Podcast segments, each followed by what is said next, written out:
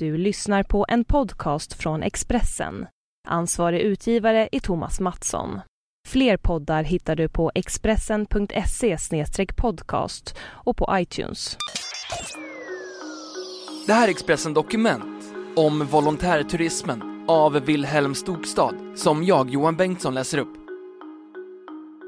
Med slogans som “Travel to make a difference” och “En perfekt kombination av nytta och nöje” uppmanas vi att resa till låginkomstländer och betala för att arbeta som volontärer. Men researrangemangen är ofta dyra och det är tveksamt om man verkligen gör någon nytta.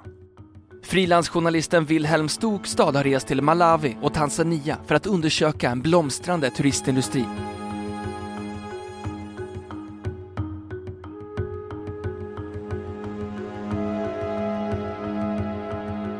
Att resa som volontär till behövande länder är inget nytt. Men de senaste åren har volontärturismen, kommersiella resor till främst låginkomstländer, ökat stort. 2005 fanns det en enda aktör i Sverige. Idag beräknas det finnas ett tiotal som skickar iväg 2500 till 3000 volontärister varje år. Flera av de äldre, icke vinstdrivande organisationerna finns också kvar. De erbjuder volontärarbete i utlandet i olika former, oftast till ett avsevärt lägre pris och framförallt med högre krav på volontären. Exempelvis tar organisationen Internationella arbetslag en avgift på omkring 3 000 kronor för en månad i Nigeria, medan samma tid i Tanzania kostar 11 100 kronor genom Volontärresor AB. Good Travel tar 11 900 kronor för två veckor på Zanzibar med boende på stranden.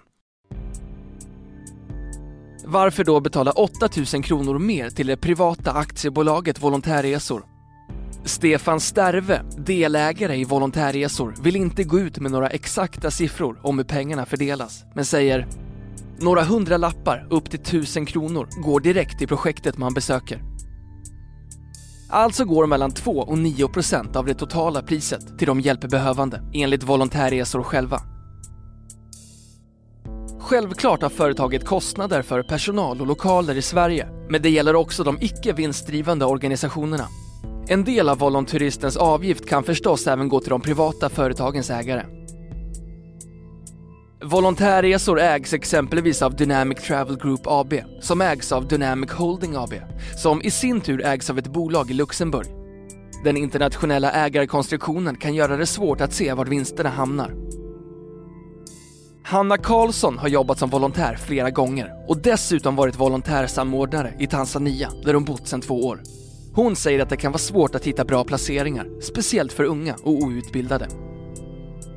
På till exempel barnhem, där det sällan krävs några förkunskaper, blir volontärerna lätt överflödiga och arbetsdagarna ofta korta. Det är precis som att åka till Mallis, fast man kramar barn ett par timmar om dagen, säger Hanna Karlsson.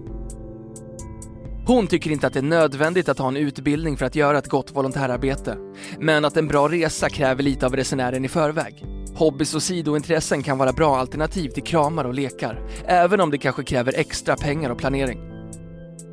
Sen är inte alla bra på att volontärarbeta. Det är som med vilket jobb som helst, det passar inte alla, säger Hanna Karlsson.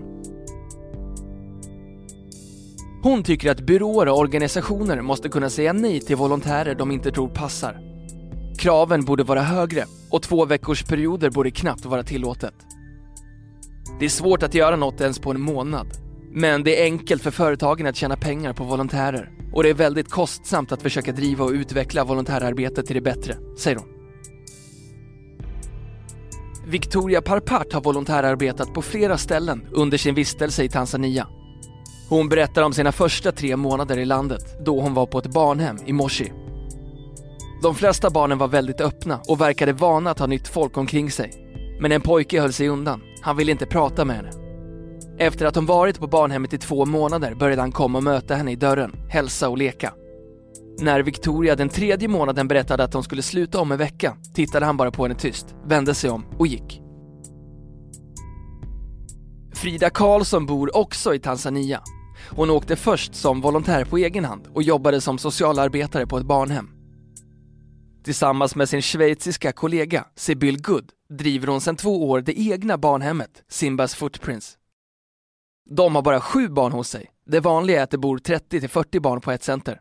och Simbas Footprints vägrar att ta emot volontärer. De här barnen behöver en trygg, förtroendegivande och långvarig relation i familjeatmosfär. Det kan inte en volontär ge dem, säger Frida Karlsson. Det går snabbt att konstatera att pengarna det kostar att resa inte utgör så stor del av nyttan av volontärresan, även om projekten säkerligen behöver pengar. Flera volontärer berättar att projekten de arbetar på i princip förväntar sig donationer. Jag blev rätt besviken när jag fick frågan om jag kunde skänka pengar till stället jag jobbade på, säger Merja Rissanen som volontärarbetare på ett ungdomsfängelse i fyra veckor.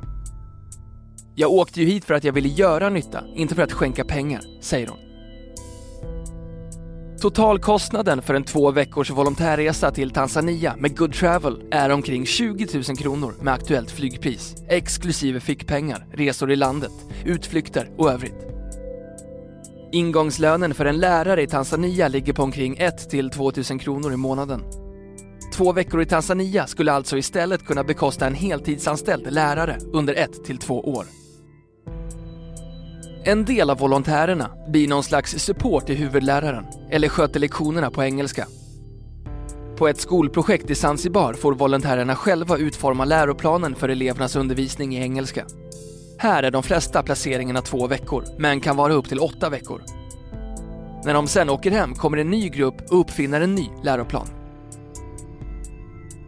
Tre australiensiska lärare som deltagit vid projektet uttrycker stort missnöje med den här organiseringen. Det är oansvarigt. Jag kommer aldrig att göra volontärturismgrejen igen, säger en av dem. Upptäcktsresande har alltid ansetts spännande. Missionärerna har rest i flera hundra år och turismen säljs idag allt mer med fokus på resor till nya exotiska platser.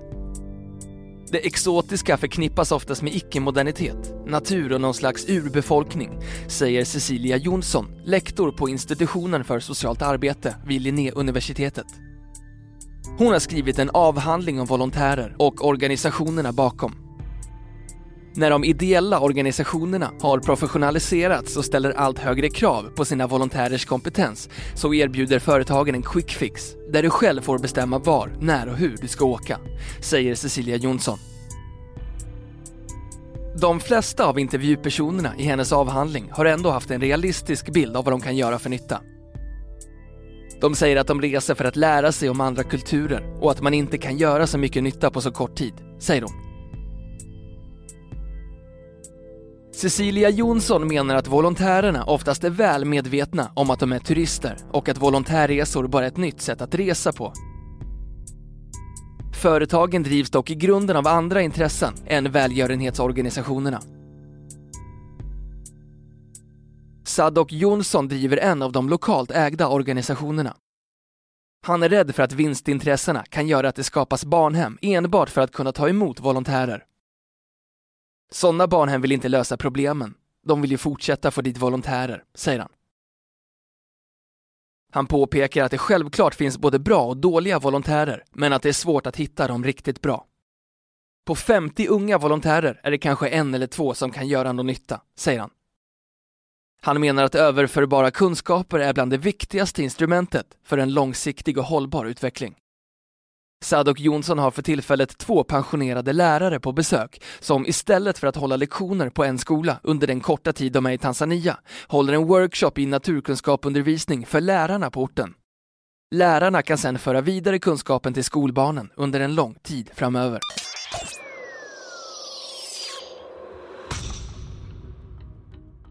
Du har lyssnat på en podcast från Expressen.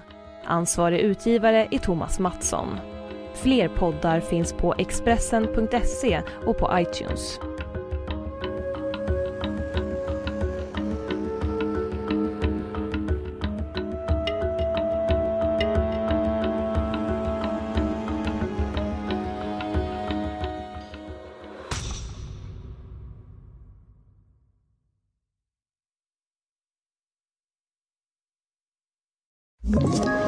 Ett poddtips från Podplay. I podden Något Kaiko garanterar östgötarna Brutti och jag, Davva, dig en stor dos skratt. Där följer jag pladask för köttätandet igen. Man är lite som en jävla vampyr. Man har fått lite blodsmak och då måste man ha mer. Udda spaningar, fängslande anekdoter och en och annan arg rant. Jag måste ha mitt kaffe på morgonen för annars är jag ingen trevlig människa. Då är du ingen trevlig människa, punkt. Något Kaiko, hör du på Podplay. Därför är gardinerna.